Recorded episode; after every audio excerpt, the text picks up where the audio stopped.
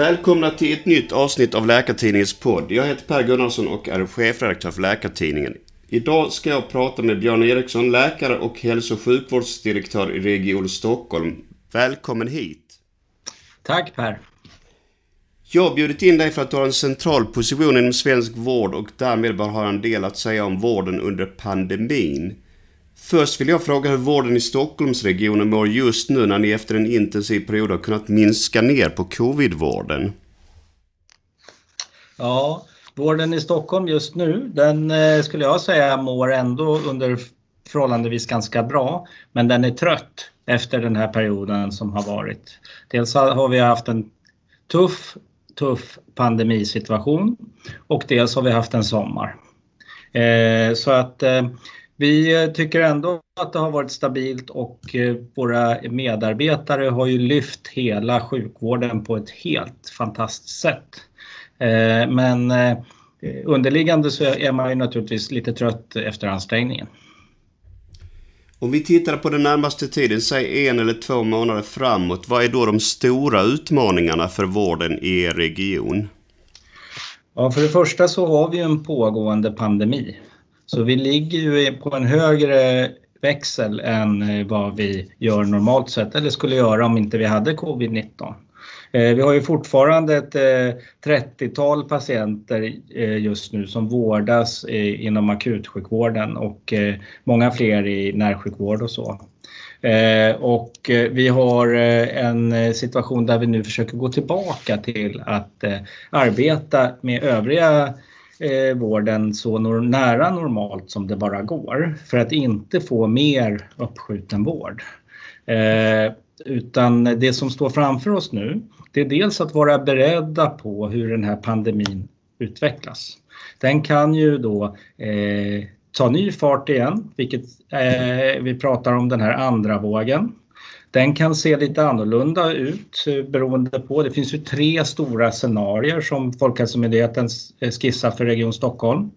Det ena är ju att vi får en ganska rejäl och brant stigning med flera hundra som kommer att behöva sjukhusvård.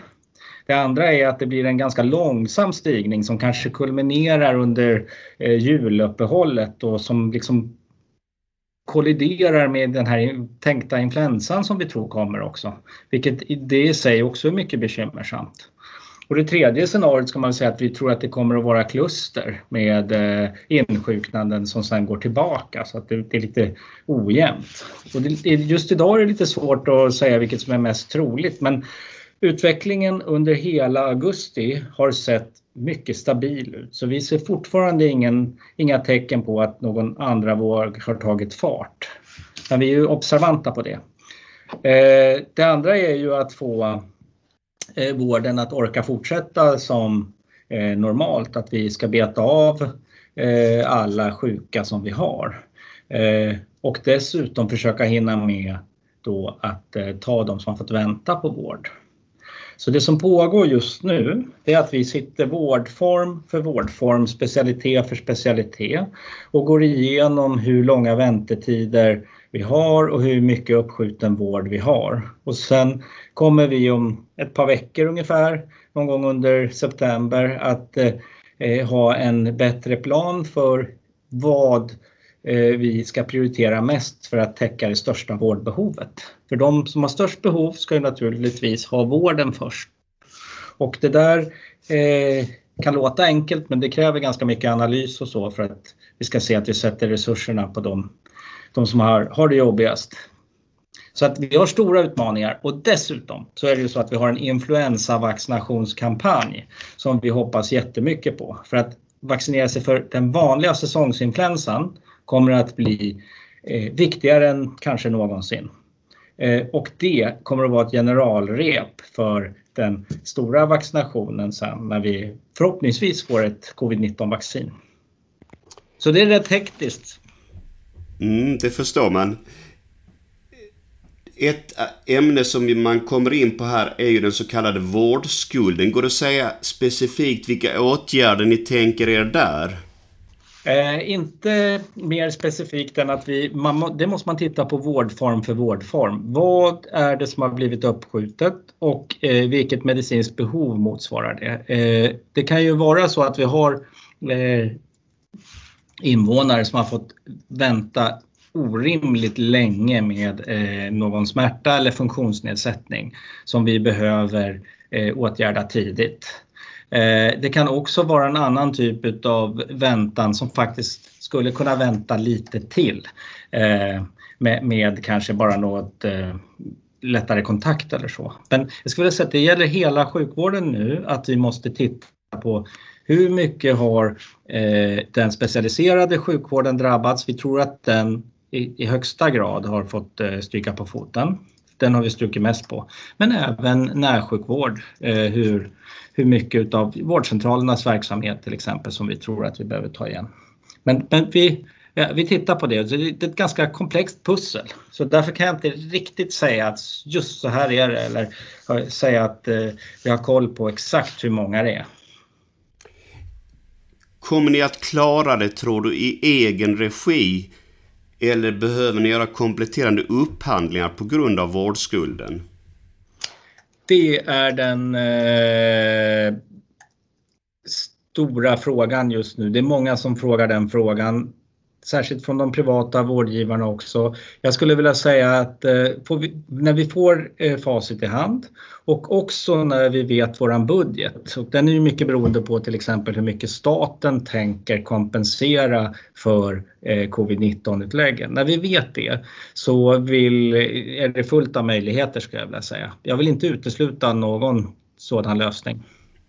Nej, så det kan bli en, en situation där man behöver komplettera genom upphandling då ja? Det skulle det kunna bli. Du, om vi byter ämne lite och pratar om dig själv. Du har ju arbetat som läkare innan du växlade över och började jobba som chef inom olika regioner. Hur såg din egen läkarkarriär ut? Ja, eh, jag är utbildad hjärtspecialist. Eh, jag har jobbat på lite olika platser i Sverige. Jag började göra AT och en del av ST i Torsby sjukhus i Värmland stortrivdes. Jag trodde aldrig jag skulle flytta därifrån. Men då flyttade jag till Huddinge sjukhus och Karolinska Huddinge och var där under många år. Eh, och eh, sen så eh, därefter har jag jobbat kliniskt då i Östersund eh, på hjärtenheten där. Eh, så att jag har varit runt lite och sen har jag varit då chef i, i, på Akademiska sjukhuset också så var jag ju chef för universitetssjukhuset eller Skånes universitetssjukhus i Lund och Malmö. Mm. Eh, så att man kan väl säga att eh, karriären har väl varit ganska stora slängar i Sverige. Mm. Vad fick dig att välja den banan om vi ser som utpräglad chefsbana? Det är en bra fråga. Jag tror ju fortfarande att jag kommer att komma tillbaka som kliniker.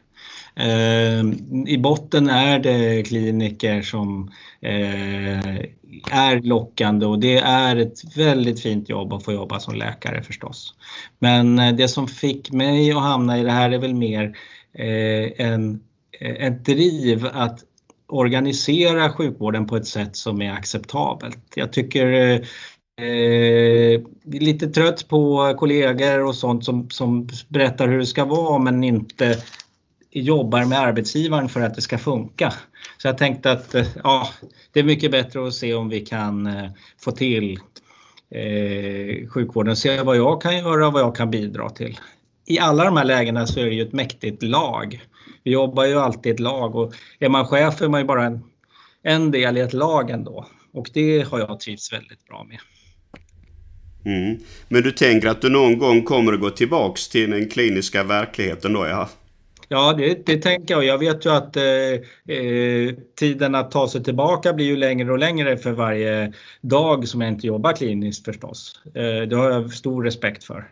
Men eh, eh många av mina förebilder som chefer och så, de har ju också eh, slutat sin karriär som, som eh, läkare. Jag tror att det är rätt bra också att tänka sig att jag ska tillbaka till sjukvården. Eh, det, det leder lite mera rätt när det gäller besluten nu när man är så långt ifrån som jag är. Jag tänker att det bör ju vara en fördel för en sjukvårdsdirektör att vara läkare. Är det en entydig fördel eller kan det finnas nackdelar också? Det, det är mest en fördel. Eh, det är absolut en fördel och har varit hela tiden.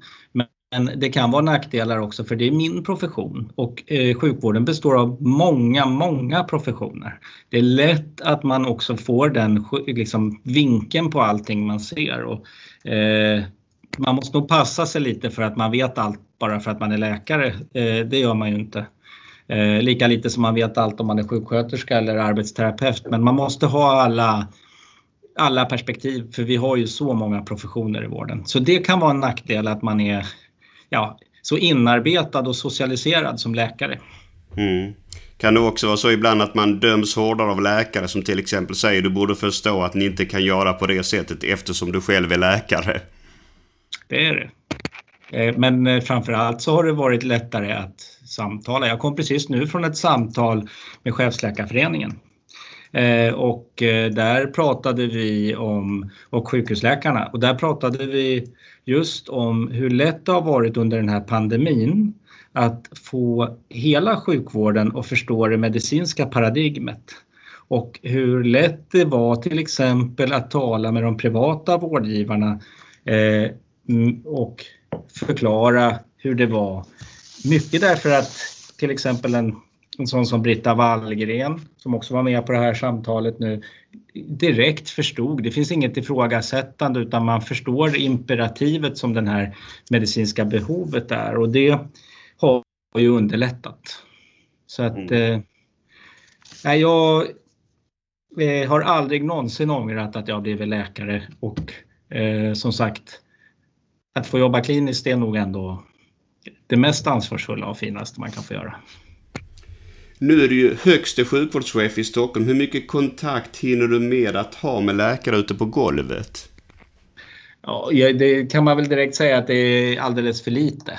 Eh, skulle man ju behöva ha mycket mer. Och I en idealvärld så skulle man ju kanske till och med eh, kunna jobba kliniskt bara för att få känna den nerven och för att ha lite förståelse. Men eh, nej, jag eh, eh, hinner egentligen bara träffa dem som jag träffar på dagliga möten och, och, så, eller, eller när jag är ute på besök.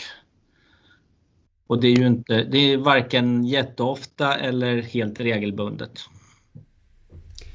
Om vi går tillbaka till vården i regionen. I en intervju häromdagen så talar du om att regionens ekonomi är kärv på grund av pandemin och att det måste sparas.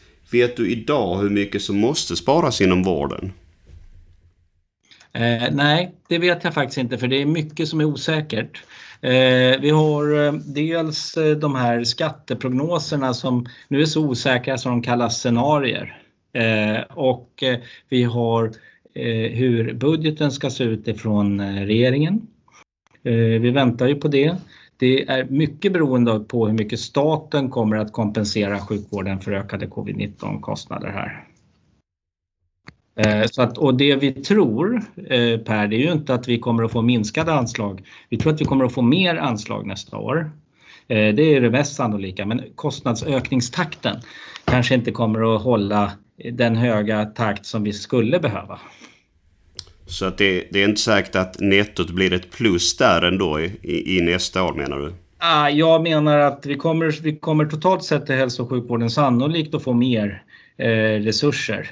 Men eh, om det procentuella påslaget är lika mycket som den medicinsk-tekniska utvecklingen och den andra utvecklingen, det spörs. Det ser ju tufft ut. Så att vi behöver ju då effektivisera någon annanstans för att få ihop det. När jag läste den här intervjun eh, fick jag intrycket att det skulle kunna bli aktuellt att varsla vårdpersonal. Är det något du kan säga något om idag?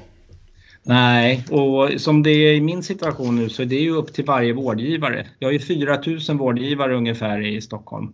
Eh, hur de organiserar sig och hur de eh, ser till att eh, lösa sitt uppdrag, det måste de få göra helt själva utan inblandning eller pekfinger från mig eller någon annan. Så det menar att det, det går aldrig ut några instruktioner från din sida om antal personer inom de respektive vårdgivarna då? Nej.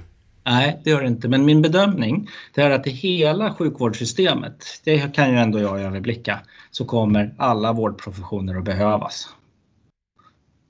Det, det kan jag säga. Vi behöver, eh, sjukvården växer hela tiden. Vi har egentligen brist på kompetenser över hela linjen. Sen kan, sen kan man behöva byta arbetsplats eller så. Det mycket möjligt. Mm. En kritik som hörts under senare tid är ju den här att det är svårt att förstå att man som arbetsgivare kan kalla personalen för hjältar först och sen ens diskutera att säga upp personalen. Jag tänker då främst på Karolinska Universitetssjukhuset som ju verkar gå vidare med planerna på att minska personalen. Hur ser du på denna kritik?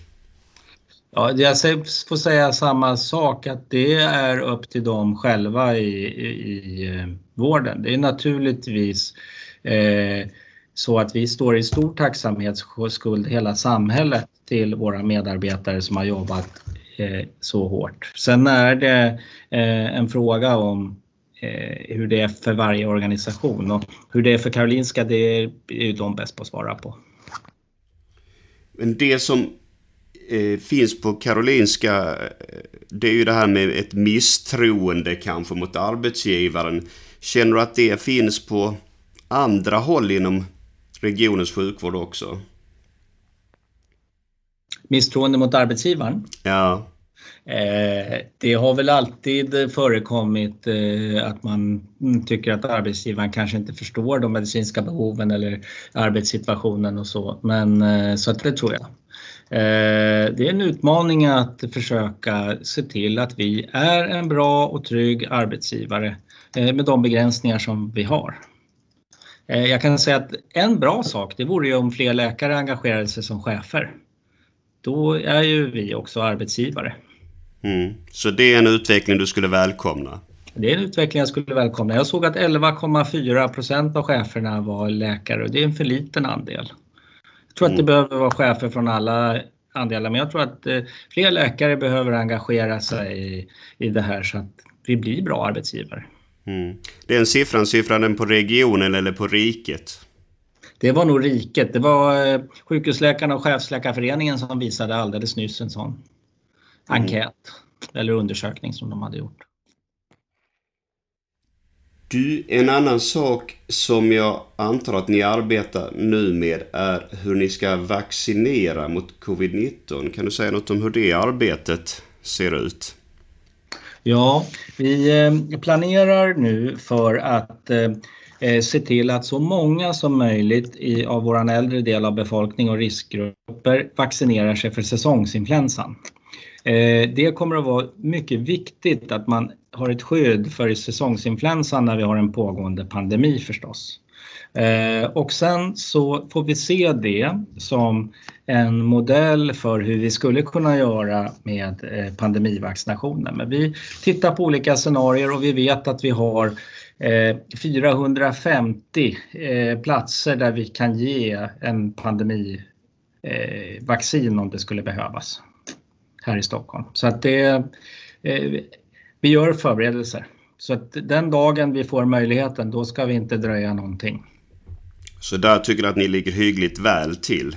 Absolut, och vi har bra relation och diskussion med den nationella vaccinationssamordnaren. Du, en annan fråga med koppling till covid är, tycker du att kommunerna ska få anställa egna läkare i syfte att förbättra äldrevården? Det är ju något som har varit uppe till diskussionen de senaste månaderna. Mm. Eh, ytterst en politisk fråga tycker jag. Eh, jag eh, tror att den, eh, för det första tycker jag att den här pandemin ska få gå färdigt innan man gör tvärsäkra slutsatser. Men en slutsats jag tror eh, ligger nära till hands är att vi måste stärka den medicinska närvaron och eh, eh det medicinska understödet till de särskilda boendena.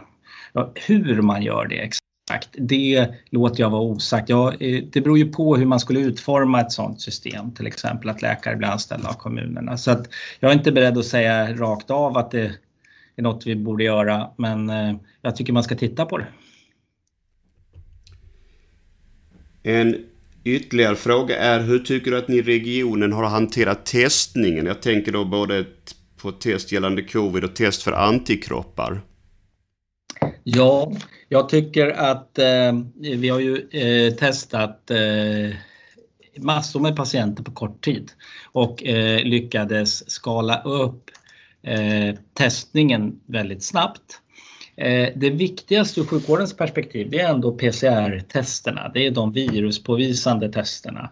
Eh, och där måste vi hela tiden prioritera att sjukhusen som ska lägga in patienterna har en möjlighet att snabbt få besked om det är en en covid-19 sjuk patient eller om det är någonting annat. Och det eh, tycker jag att vi har klarat bra. Sen har det gjorts en massa antikroppstester och de flesta som har eh, velat testa sig vill ju veta om de har antikroppar eller inte.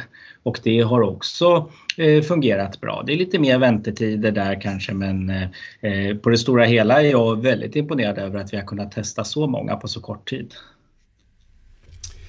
Vidare har vi det här med smittspårningen. Jag tänker att det kan väl kanske vara svårt i en så stor region som Region Stockholm är.